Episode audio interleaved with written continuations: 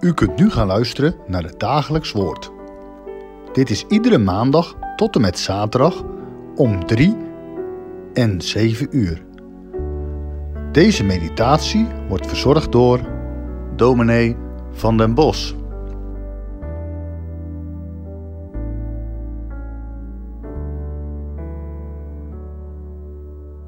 Vandaag lezen we opnieuw enkele versen uit dat machtige hoofdstuk 1 Korinthe 15, waarin Paulus schrijft over de betekenis van de opstanding van Jezus Christus uit de dood. Ik lees nu de versen 20 tot en met 23 en ik doe dat uit de nieuwe Bijbelvertaling. Paulus schrijft: Maar Christus is werkelijk uit de dood opgewekt, als eerste van de gestorvenen. Zoals de dood er is gekomen door één mens, zo is ook de opstanding uit de dood gekomen door één mens. Zoals wij door Adam allen sterven, zo zullen wij door Christus allen levend worden gemaakt. Maar ieder op de voor hem bepaalde tijd. Christus als eerste. En daarna, wanneer hij komt, zij die hem toebehoren. Tot zover de versen uit 1 Korinthe 15. Als ik deze versen op me laat inwerken, dan zie ik dat twijfel aan de waarheid van de opstanding van Jezus Christus niet alleen iets is dat past bij onze moderne en verlichte tijd. Twijfel aan de opstanding was er al direct na de opstanding zelf. Niet voor niets schrijft Paulus heel nadrukkelijk: Christus is werkelijk uit de dood opgewekt. Vandaag de dag is opstanding uit de doden voor velen moeilijk te geloven. En als opstanding uit de dood onmogelijk is, dan is ook Christus niet uit de dood opgestaan. Je ziet het toch met je eigen ogen. Dood is dood. De wetenschap heeft duidelijk aangetoond dat bij de dood processen in het lichaam die het leven mogelijk moeten maken, ophouden. En dat processen van ontbinding in gang worden gezet. Opstanding? Nee, sterven is een onomkeerbaar proces.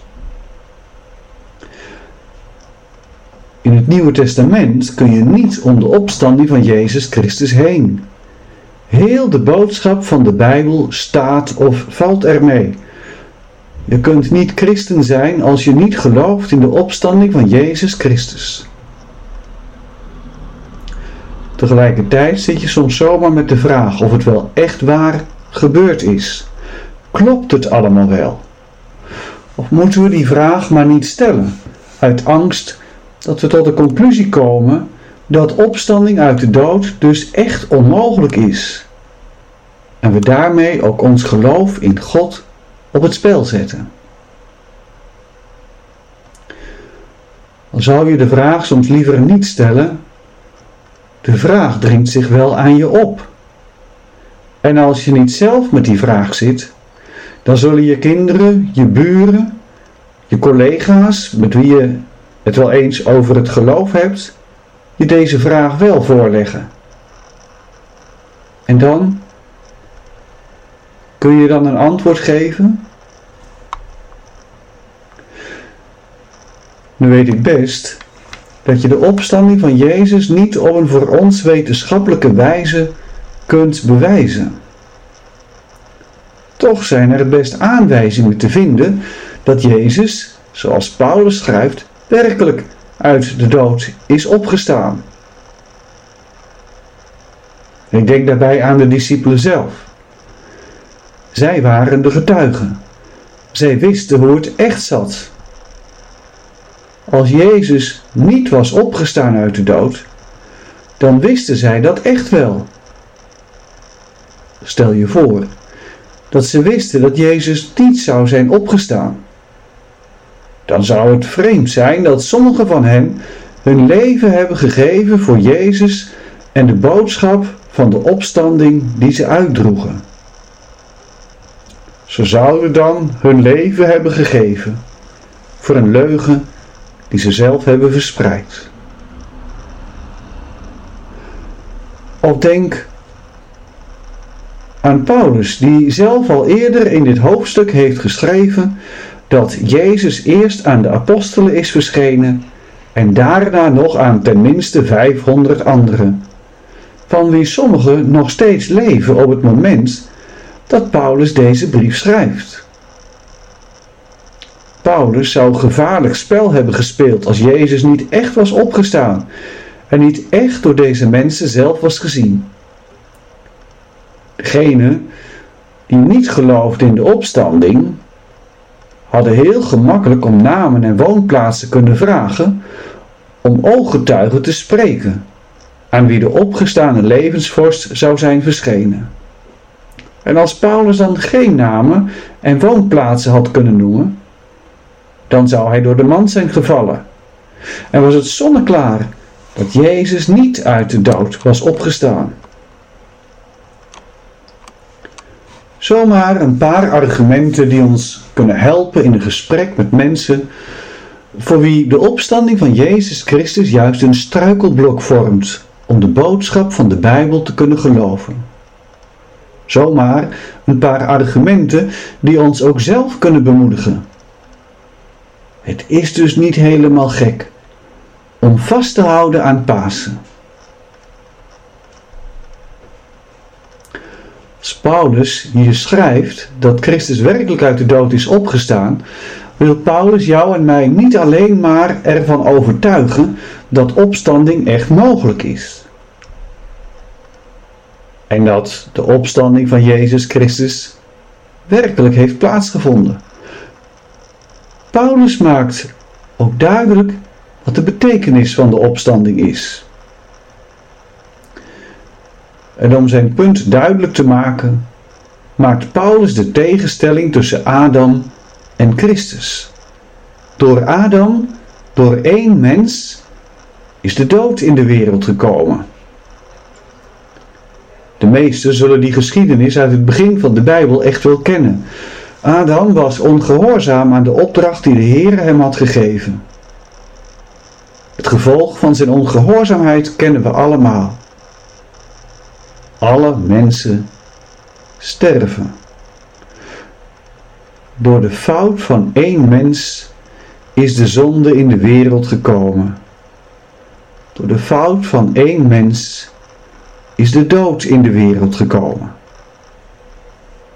Adam is niet alleen maar die ene man aan het begin van de geschiedenis, maar Adam is ook de vertegenwoordiger van heel de mensheid. Eén mens die heel de mensheid heeft besmet. Zoals vandaag de dag één persoon die besmet is met het coronavirus heel gemakkelijk heel het dorp waar hij of zij woont of heel de stad kan besmetten. Niet voor niets zijn er zoveel richtlijnen door de overheid gegeven, juist om dit besmettingsgevaar in te dammen. Paulus gebruikt de tegenstelling tussen Adam en Christus. Door Adam is de zonde heel de mensheid binnengedrongen. En is dus heel de mensheid inbegrepen in de straf die Adam samen met Eva ontving op zijn overtreding, de dood. Nou, zoals je als mens één bent met die ene mens, Adam, en dus allemaal moet sterven, zo mag je ook één zijn met Christus. En als je één bent met Christus, dan zul je in Christus ook opstaan. Hij ging ons voor. Wij zullen volgen. In Christus opstaan. U, jij en ik. Daar kijken we naar uit. Wij zullen opstaan. Die tijd ligt voor ons. We verlangen ernaar. We zien er naar uit. Het relativeert ons leven hier op aarde en geeft uitzicht op een heerlijke toekomst. Wij zullen opstaan, zeker weten. Hoe ik daar zo zeker van kan zijn? Omdat Jezus Christus zelf werkelijk is opgestaan. Hij is de eerste. Wij zullen Hem volgen. Trouwens, als Paulus zo schrijft dat wij die Hem toebehoren zullen opstaan, dan kun je denken dat Paulus juist hiermee een begrenzing aangeeft.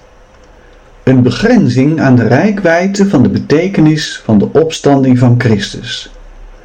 Alleen wie Hem toebehoren. Alle mensen zijn door één mens besmet geraakt met het virus van de zonde en sterven. Alleen wie Hem toebehoren zullen opstaan. Eigenlijk denk ik dat Paulus met deze woorden nu juist niet een begrenzing wil aangeven, maar dat Paulus jou en mij juist een uitnodiging stuurt.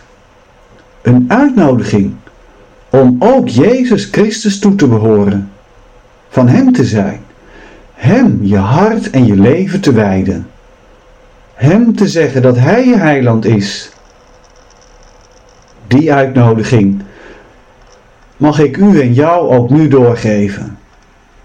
Behoor Hem toe. Een uitnodiging niet alleen van Paulus, een uitnodiging van de heiland zelf. Zo'n uitnodiging kun je toch niet laten liggen? Zo'n uitnodiging neem je toch aan? Laten wij samen nog een gebed doen. Trouwe God, Hemelse Vader, wij danken u voor deze woorden die we mochten horen vandaag. Jezus Christus, werkelijk opgestaan en wij mogen Hem toebehoren, door genade, door uw liefde. En zo mogen we zeker zijn dat ook wij zullen opstaan, zullen opstaan in de tijd die komt. Zullen opstaan in die heerlijkheid, een nieuwe mens willen zijn. Een mens tot eer van uw grote naam. Dank u wel voor die boodschap. Amen.